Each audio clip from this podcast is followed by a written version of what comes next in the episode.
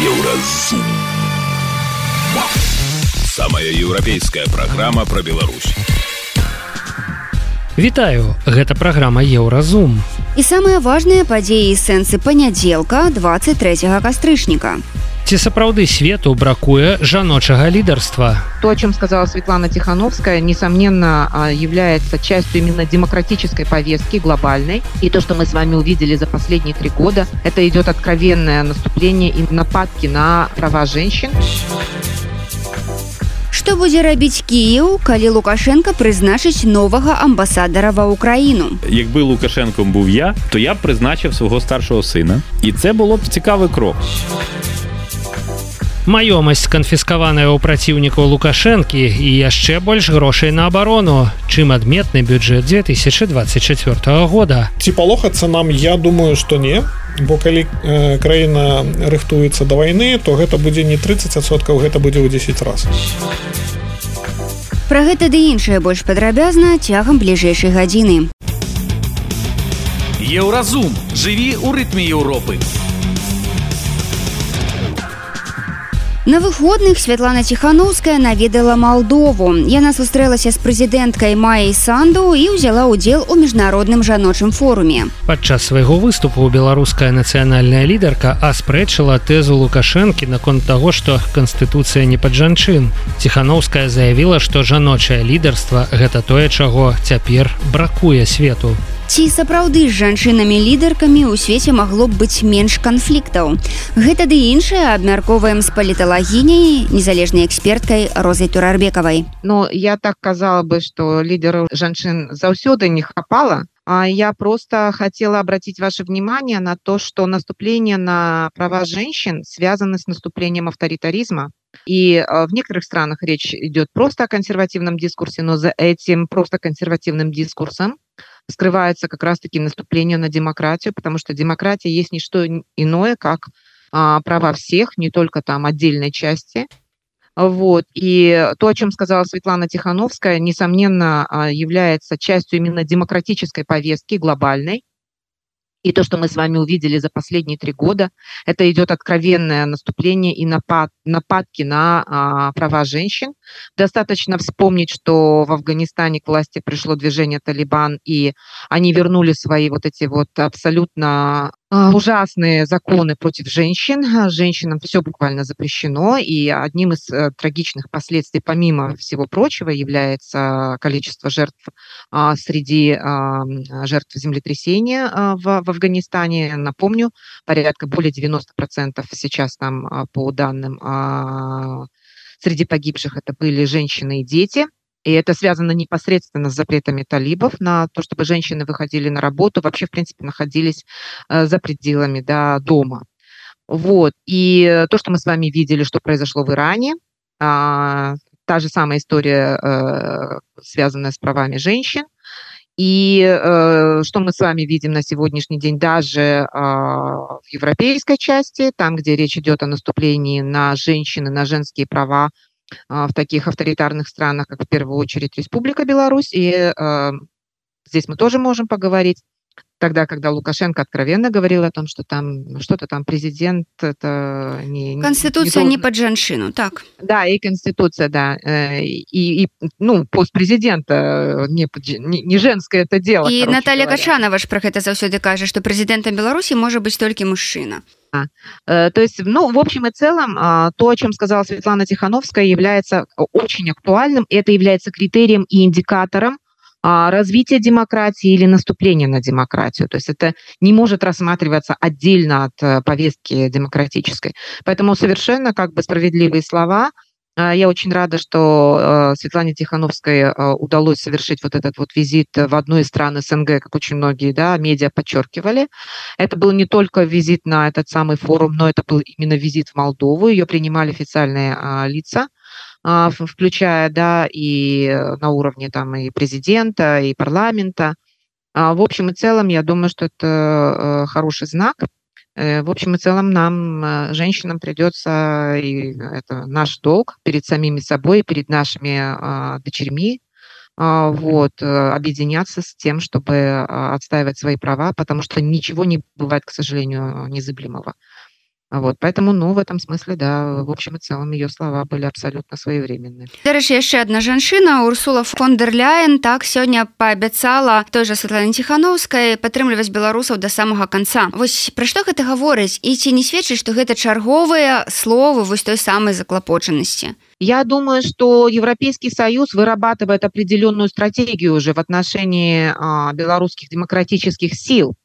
А, и, а, по всей вероятности, эта стратегия носит долгосрочный характер, носить долгосрочный характер, о чем, собственно, наверное, Урсула фон дер Ляйен и говорила. А, и э, то, что расширяются контакты, в том числе постоянные контакты в различных форматах между так называемыми прото, да, там, властными структурами демократическими, как то кабинет, офис Тихановской, координационный совет – и европейскими структурами, то есть это носит не спорадический характер, да, от визита к визиту, от встречи к встрече, а теперь это речь идет о представительстве, то я думаю, что это является вот этим вот шагом в сторону вот этой долгосрочной а, стратегии. Ну, собственно, стратегия это и есть долгосрочная, да, политика.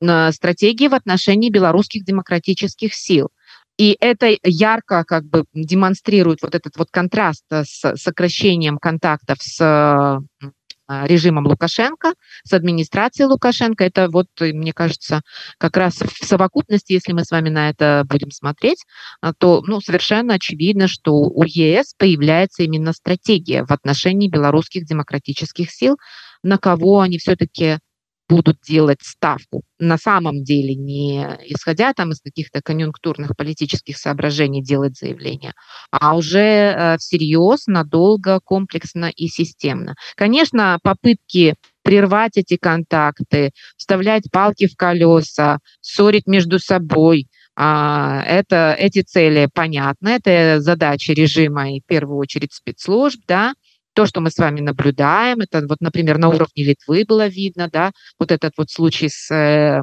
литвинизмом. литвинизмом. Угу. Да, попытки потом были еще такие же разные вбросы, но уже вырабатывается какой-то ну, и иммунитет, и механизмы, с помощью которых вот эти все вопросы снимаются. А, чему я, честно скажу, а, очень рада, потому что, с моей точки зрения, мы преодолеваем наши застарелые проблемы – вот, о разъединении белорусских демократических сил, о разъединении старой оппозиции, да, использованием всех этих вещей а, режимом в своих целях. Мы, э, мы эту старую давнюю проблему таким образом преодолеваем. Мы находим возможности, инструменты. А, вот, и э, спасибо большое нашим европейским партнерам. Они идут навстречу и э, помогают нам в этом деле. Працягваем размову з розай турарбекавай. Лукашенко здаецца ў пятніцу абвінаваціў урад у хлусні. сказаў, што я разумею, што вы мне тут падмалёваеце вось гэтыя лічбы, гэта ўсё статыстыку, гэта ўсё прыгожанька. Перыядычна ж гэта так адбываецца так памятаем, што ўжо была сітуацыя там з прэм'ерам галоўчынкам, калі ён сказаў, што калі ты там сапраўдны мужчына, то ты вось у такой-то сітуацыі мусіш ужо як бы і скласці свае абавязальніцтвы вось гэта сапраўды што ён все ж падазрае што малююцца гэтыя лічбы. Але гэта такія ўжо рэйкі з якіх складана вельмі сысі так?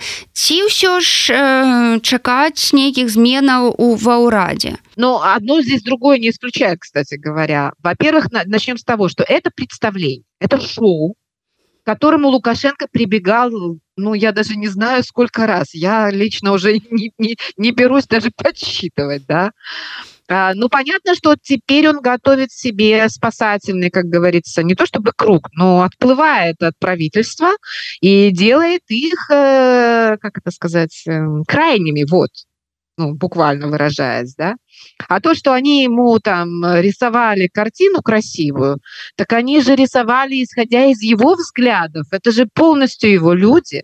Он же прекрасно понимает, что э, они ему преподносят ту картину, которая должна соответствовать его планам, а не ту картину, которая в реальности. Те, которых говорили ему правду, известно где, их рядом нет уже, да. А вот поэтому э, в этом отношении все понятно. Первое – это шоу, Видимо, таким образом Лукашенко готовит общество к тому, что надо затянуть пояса, оказывается, все не так хорошо.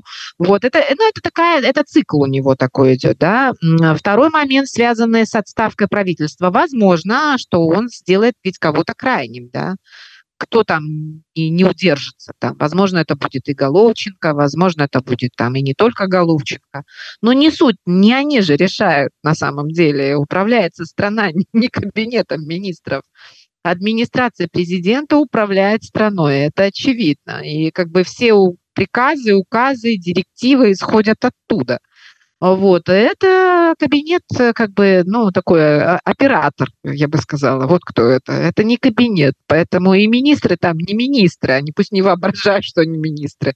Куда им до министров настоящих, таких как, например, э, европейские министры? Нельзя сравнивать Аналену Бербок с господином, господи, я уже, вот понимаете, я даже уже фамилии забываю, с министром иностранных дел, да, Беларуси. Ну, нельзя, потому что он, он никто, у него креда нет, он он выживает, он приспособленец, он порученец, вот, и он будет козлом отпущения крайним. А Анна Лена Бербок, это, извините меня, с политическим кредо лидер зеленых, который на следующих выборах ну, получится у них там пройти хорошо, она войдет в коалиционное правительство, этот пост она себе э, заберет, потому что это будет результат ее победы, ее выборов, как говорится, а не там милости хозяина, барина, да.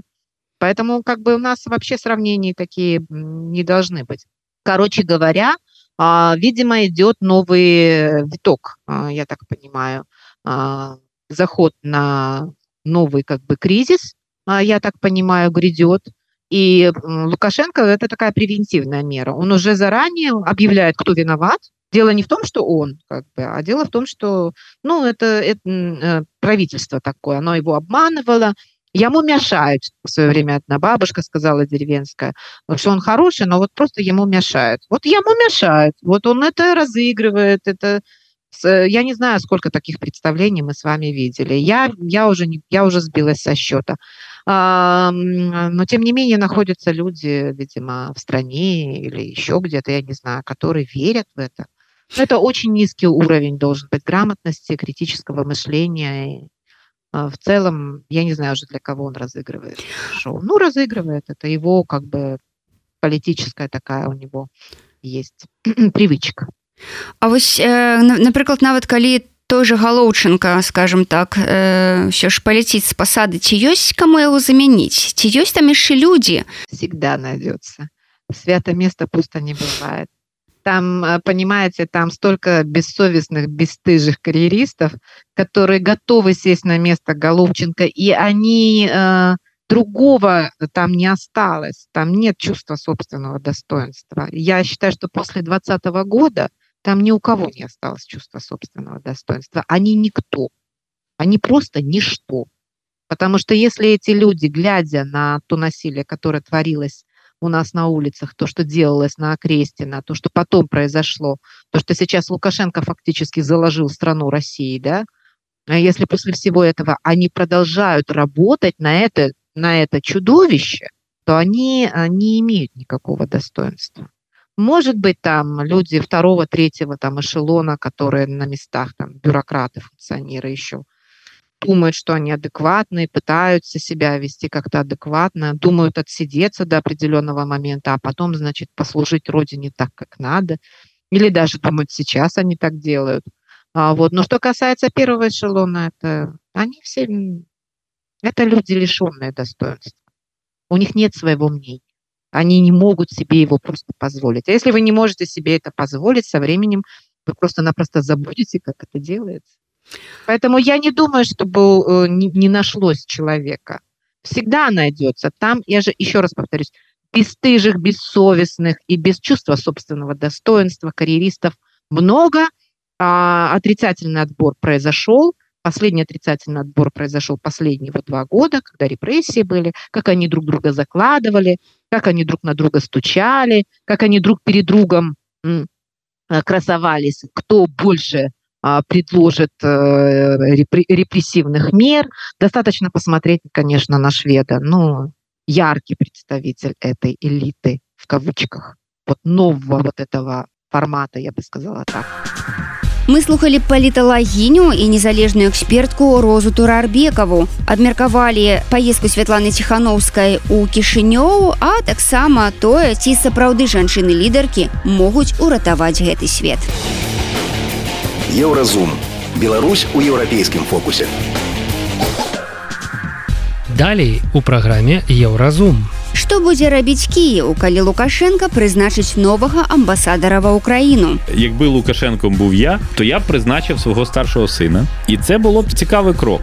Маёмасць канфіскаваная ў праціўнікаў Лукашэнкі і яшчэ больш грошай на абарону пра бюджэт 2024. Ці палохацца нам я думаю, што не, бо калі э, краіна рыхтуецца да вайны, то гэта будзе не 30соткаў, гэта будзе ў 10 раз. Сустрэнемся пасля навінаў спорту.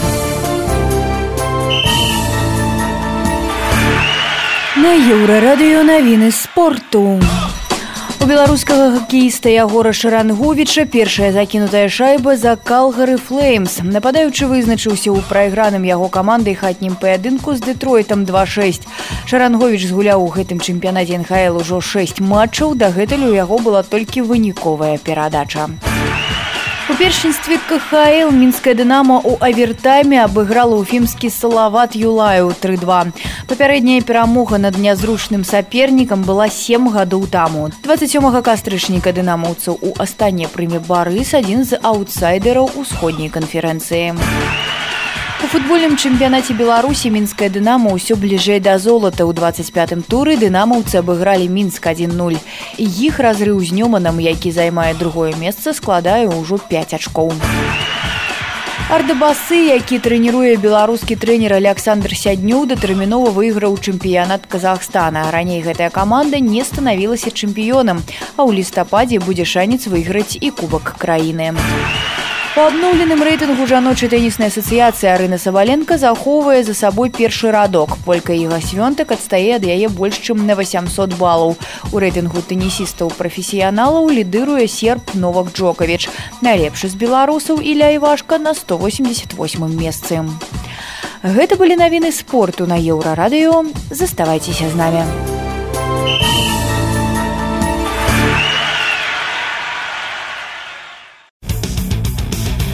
Еўразум. Жыві ў рытме Еўропы.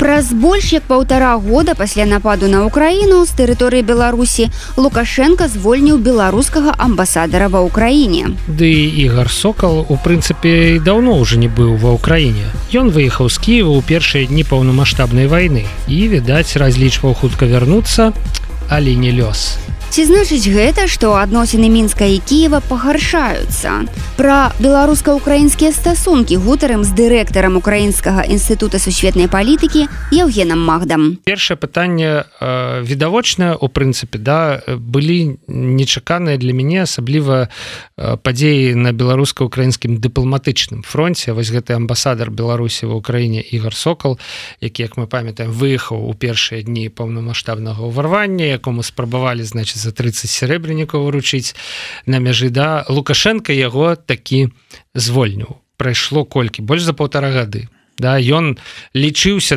увесь гэты час амбасадарам беларусі ва ўкраіне. Что правда вось евген мяне прасвятліў что амбасада перамясцілася ў молдову амбасада ў молдове выконвала функцыі амбасады беларусі ва ўкраіне і вось быў быў быў гэты ігар сокол амбасадарам. І все ён звольнены ў запас як кажуць да?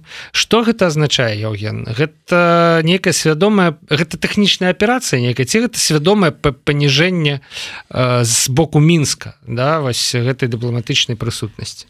Я думаю що це маневр. Маневр тому що дыпламатычні відносини зберігаються хоча білоруських дипломатів жодного в Києві нема. В мінську десь п'ятеро, здається, українських дипломатів, але пропускні пункти на межі закриті.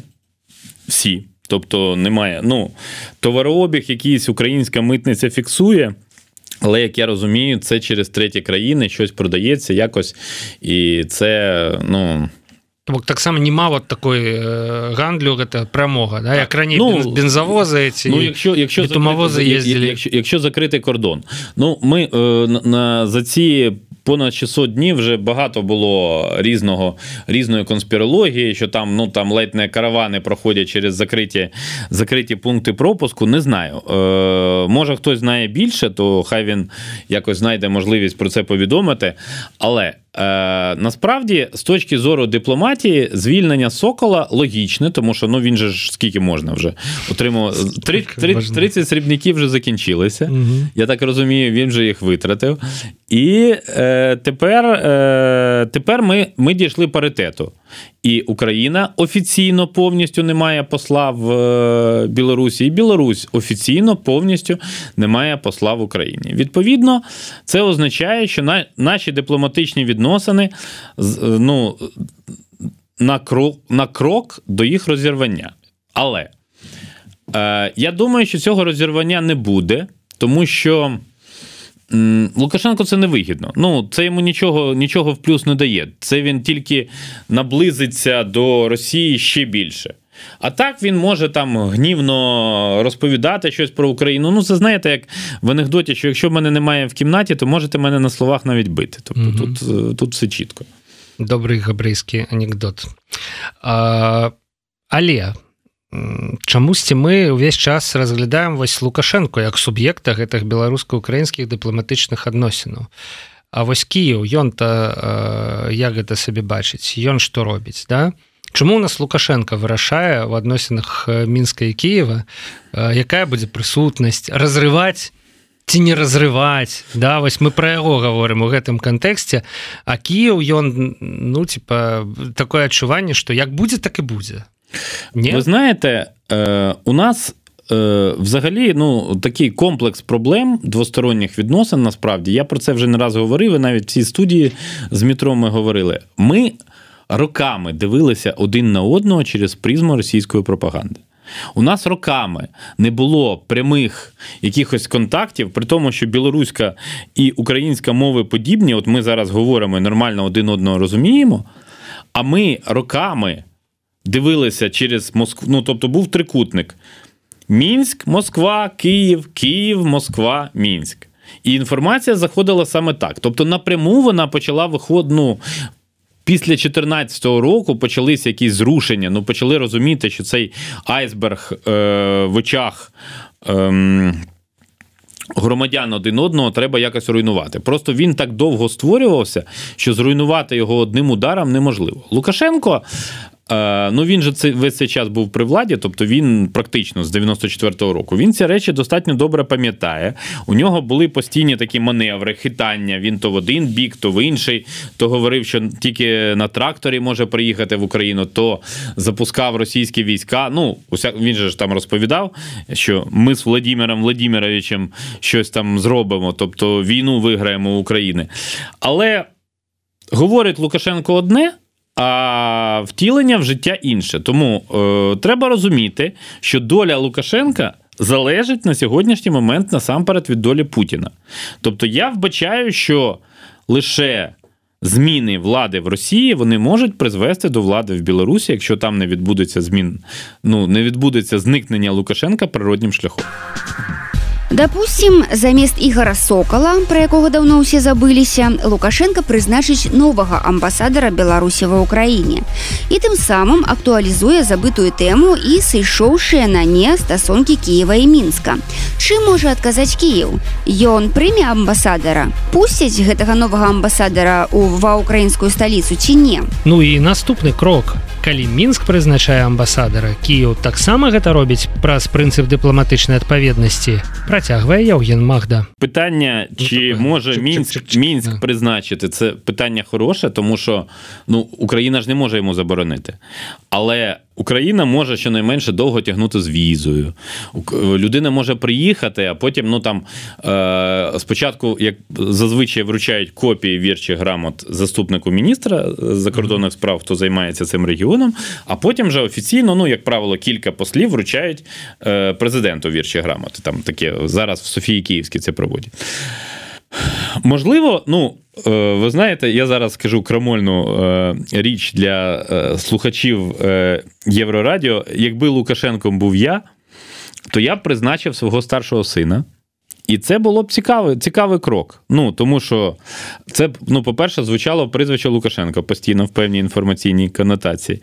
По-друге, ну Лукашенко показав би, що він нічого не шкодує. Знаєте, як на український напрямок, да. стародавні часи свого Закладники, да, якби, свого да. сина в заручники угу. відправляє. А Україна не може е, відправити посла з однієї. У нас є тимчасовий повірений. Тобто людина, ну яка є старшим дипломатом, це називається. Тобто, якщо щось білоруському МЗС не так, то викликає тимчасового повіреного. І е, коли чому Україна не може от через цю процедуру?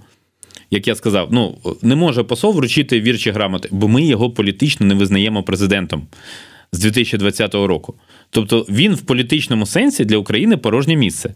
Це не означає, що в Україні не не знають, що Лукашенко дійсно керує Білоруссю, що він керує силовими структурами там і так далі. Це все зрозуміло, але політично його не визнають.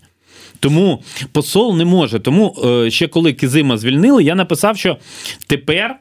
Новий посол України вручить грамоти вірчі новому президенту Білорусі. Угу. Якщо стане наступним президентом якийсь відчайдушний ябатька, я навмисно зараз не, не називаю прізвище, то. Може бути ситуація, що Україна призначить, але тоді може Європейський Союз прислати посла. Ну тобто присилати своїх дипломатів не тільки Угорщина, і Сполучені Штати. Ну тому що є практика цих, знаєте, да, коли легітимний президент так, з'явиться, ну, нехай собі є батька. Дай, то... Дайте йому 100 днів. Ну, якщо, угу. якщо пройдуть вибори навіть в білоруських реаліях.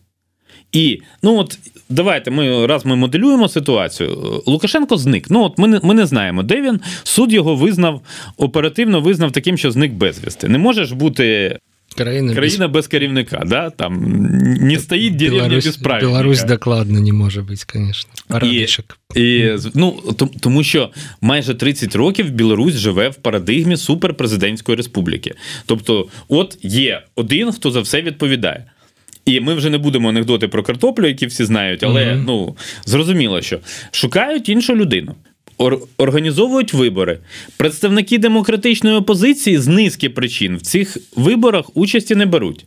Люди так чи інакше приходять, можливо, хтось з надією, хтось ну, когось примушують. Ну, Тобто обирається якась людина. І вона ну, наприклад, вона приймає присягу, все плює, може навіть публічно на портрет Лукашенка, як це прийнято на пострадянському просторі, плювати на портрет попередника, і говорить: от у нас там є кілька тисяч е, заручників, закладників, от я 500 звільняю в якості жесту доброї волі. Ті, хто хворі, жінки, ну там легкі угу. статті, все. І що, після цього Урсула фон дер Ляєн не позвонить умовному Лукашенку 2? Позвонить, докладно гэта так працуе гэта ну, есть дыпламаты це, так ну. це це алгоритм який ну його можна ми можемо нам нам він може не подобатись але європейська і західна дипломатія в цілому вона працює за певними принципами ви що думаєте що вони інших пострадянських президентів люблять що вони Януковича любили в свій час ні але ж були там і Кокс Кваснєвський, і Грибауска, і багато чого іншого. Тобто угу. це, це так працює. Ну е, вони не будуть це змінювати, тому що Європейський Союз працює на підставі певних принципів, і він змінювати їх не буде. Слухайте, ну калі далі ісці вось мне вельмі падабаецца гэтая ваша думка пра прызначэнне Віктора Лукашенко амбасадарам у Киеве Мы ж маємо переплюнути лукашука. ключавы напрамак да сапраўды гэта было б вельмі важна і сімвалічна. Але вось ізноў вы парасважалі про тое ці новы украінскі амбасадар можа прынесці даверчая грамата лукашэнку сустрэцца з ім руку паціснуць там і так далей да. Але гэта азначае і тое что вось гэты новы амбасадар беларусі прынясе даверчаях сваёй граматы зеленскаму і так. зеленскі як што мусіць іх взять прыняць як бы ну, за нормами дипломатичного протоколу е, простіше людину не допустити до цієї процедури бок буде ніж е, ну можна тягнути волинку mm-hmm. дуже я вам е, ну я не буду зараз конкретизувати е, просто знаю що ще за президентства Порошенка президента однієї з сусідніх країн не Білорусі кілька місяців йому не давали агрімант. А, ну, амбасадора. Так, в майбутньому. Тобто, угу. ну от казали там, ну так от не такого кольору очі не такого крою піджаки ну розум... але але зрештою дали і він він себе зарекомендував до речі дуже добре то бок будзе такая гульня у прынцыпе ну ізноў же дыпламатычная па дыпламатычных правілах ну Мачым я ж думаю що в мінску слухаюць еўрарадіо то хай користуюцца бясплатнымі парадамі у прынцыпе да парада конечно топавая вось ну я канешне думаю что блізка до нуля верагоднасць але мы ну думка але... Думка ёсць да? Все ідэя прогучала мы засталбілі ее нават вось у нашым эфиры калі Віктор лукашенко поедзе амбасадарам у Кіў можем зустріць вось тут вось яно все пачалося да. Евген Магда, дырэктар украінскага інстытута сусветнай палітыкі, толькі што распавёў нам, што будзе рабіць Кіяў, калі мінск дашле ва ўкраіну новага амбасадара і чаму гэта мусіць быць Віктор Лукашенко. Еўразум. Беларусь у еўрапейскім фокусе. Далей у праграме Еўразум. Маёмасць канфіскаваная ў праціўнікаў лукашэнкі і яшчэ больш грошай на абарону пра бюджэт 2024 ці палохацца нам я думаю что не бо калі э, краіна рыхтуецца да вайны то гэта будзе не 30соткаў гэта будзе ў 10 раз сустрэнемся пасля навіну шоу-бізу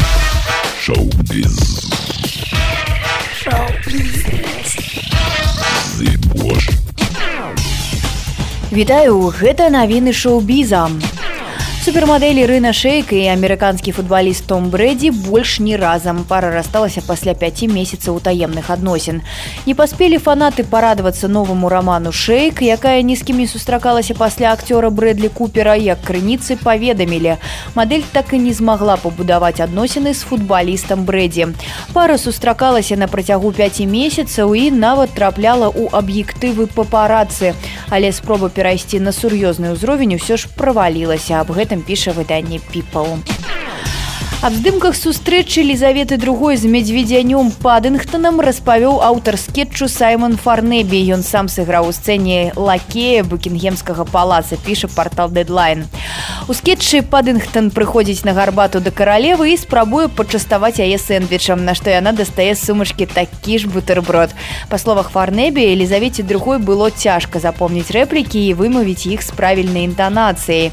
Ён не верыў што каралева справіцца з задачай але рэжысёр не губляў надзеі прасіў размаўляць з мядзведзенём так як яна размаўляе з унукамі. На выніку ўсё атрымалася і ролик пра здымкі якога не ведалі нават чальцы каралеўскай сям'і быў прыемнай неспадзяванкай і шокам для ўсіх самы багаты чалавек у свеце Ілон Маск прапанаваў стваральніку вікіпедыі 1 мільён долараў. Усё дзеля таго каб онлайн-энцыклапедыю перайменавалі у дзікпедыя у перакладзе на беларускую мову гэта магло б гучаць як членапедыя ці э, зусім нецэнзурна. Гэта не першая спроба маска паквапіцца на вікіпедыю. Як пісала выданне інсайдер у снежні 2022 мільярдэр спытаў заснавальніка Джиммі Вейлса колькі каштуе самая знакамітая сеткавая энцыклапедыя. Праўда, тады Уэлс намякнуў, што яго прадукт бескаштоўны і адмовіўся прадаваць яго. Гэта былі навіны шоу-бізу, заставайцеся на хвалях еўрарадыё.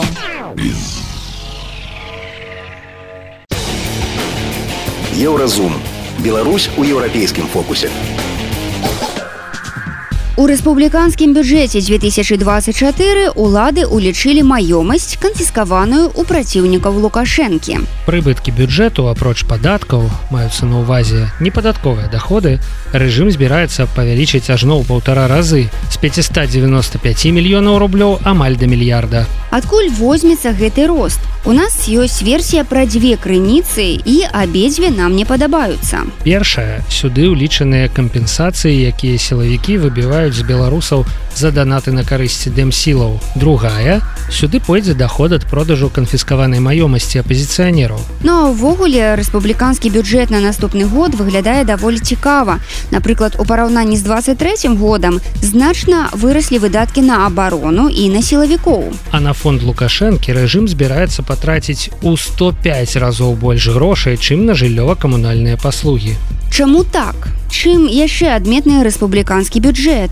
Чаго чакаць беларусам ад уладаў у наступным годзе? Запыталіся у эканаміста Владзіміра Кавалкіна. Усе абмяркоўваюць рэспубліканскі бюджэт. рэспубліканскі бюджэт гэта не ўсе грошы, ну скажем так, дзяржаўна бюджэтныя. Апроч рэспубліканскага бюджэту ёсць яшчэ мясцовы бюджэт. І вось даклад на ЖКГ ахова здароўя адукацыя яны фінансуюцца з мясцовых бюджэтаў. То бок калі мы глядзім у гэты рэспубліканскі бюджэт там выдаткаў мала.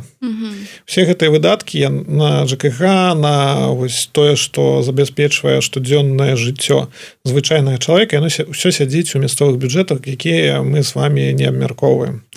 То бок там калі казаць пра долю там менш за адсотак то калі казаць пра рэспубліканскі бюджэт на ЖКГ Вось і гэта так зроблена. Чаму? Таму што ну ЖКХ гэта справы мясцовыя і ўсе грошы на ЖКХ яны знаходзяцца ў мясцовых бюджэтах у бюджэтах гарадоў звычайна абласных і раённых. Тое самае адбываецца і з адукацыяй бо самыя вялікія выдаткі на адукацыю гэта звычайна садкі школы і гэтыя учэльні усялякія так гэта нават вну такога мясцовага значэння не ўсе рэспубліканска гэта ўсё фінансуецца звычайна вось з мясцовых бюджэтаў. І тое самае адбываецца з медыцынай. Усе это райбальніцы усе паліклінікі ось уся ўся вся гэтая сацыялка гэта ўсё за кошт мясцовых бюджэтаў. То бок там няма чаго абмяркоўваць у рэспубліканскім бюджэце. Але вас нечым там з'явіў гэты бюджэт рэспубліканскі на будучы год? А, там шмат цікавостак і па доходах і па расходах. Калі казаць пра доходы там рост аж на 20соткаў год года Вось і падчас нават запланаванага росту у три адсоткі 38 вуп сабраць доходаў у бюджэт аж на 20соткаў болей. то пры інфляцыі 6соткаў Ну гэта значыць што адабраць у людзей значна больш грошай. Там подвысіліся значна акцызы.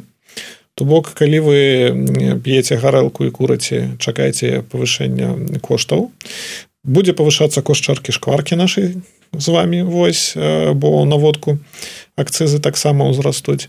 Таксама вялікае падвышэнне нас чакае по ндс але там подвышэнне не столькі ставак сколькі колькі збіраць будуць больш то бок я так думаю что будзе менш льготаў по ндс і будуць больш калаціць бізнес каб плацілі ндс Вось что там яшчэ цікавага по налогах у рэспубліканскі бюджэт напэўна падаход не падаходны налог там вялікі а налог на прыбытак таксама. то так подрос то бок у бізнеса будуць забіраць шмат грошаў это вось ты падатак на, на, на багатых так? Не, на, на, на, не, не я кажу про карпаратыўны налог. Ага. калі мы кажам про набагатых гэта гэта на фізліц і дарэчы вось падаходны налог на фізліц ён залічваецца ў мясцовы бюджэт. То бок і калі мы аналізуем рэспубліканскі бюджэт мы яго там не бачым амаль што Ось. І з гэта дарэчы з гэтага налога якраз падатка фінансуецца вось гэтая самая ЖКХ что цікава Вось але калі казаць пра выдаткі там таксама цікавыя лічбы выдаткі павялічацца на 22сотку то бок будзе дэфіцыт у подвышаюцца выдаткі э, хутчэй чым доходы гэта цікава. І на што яны там подвышаюцца яны подвышаюцца на э, правапарадак так званы то бок на суды кгб мус э, на 15соткаў яны подвышаюцца на армію аж на 29соткаў Вось ці палохацца нам? Я думаю что не. Бо калі краіна рыхтуецца да вайны то гэта будзе не 30соткаў гэта будзе ў 10 раз. У нашым з ваш з вами выпадку гэта хутчэй падрыхтоўка да барацьбы ведаеце з умоўна кажучы палком каліновскага. То бок з лёгкай пехотай для гэтага каб вось бороться с лёгкай пехотай что патрэбна? Патрэбна узброіць унутраныя войскі патрэбна трохі ўзброіць усякі спецназ вайскавы закупіць там сродкі выведкі все гэтыя дроны то есть нешта абнавіць з аўтапарку. То бок ну вось калі калі так разважаць куды куды гэтая подвышка на на 30соткаў пойдзе хутчэй за ўсё вось на гэта. Дзесьці там на спецназ даць грошы дзесьці там на абсталяванне закупіць на той самы спецназ спецназ унутраных войскаў і спецназ усякі там вайскавы. Ось каб адчуваць сябе ў бяспецы калі там нейкі пол каліновскага з Украіны пойдзе нейкі беларускі добравольчы комплек корпусы гэтак далей каб ужо адчуваць сябе у бяспецы ведаць што сустрэ сустрэнуць арлы ось. Ну, то бок это вся мілітарыская гісторыя так. працягнецца так. Эканаміст владимир кавалкін распавёў нам пра асаблівасці рэспубліканскага бюджэту на наступны год і патлумачыў як правільна чытаць лічбы якія напісалі чыноўнікі з мінфіну.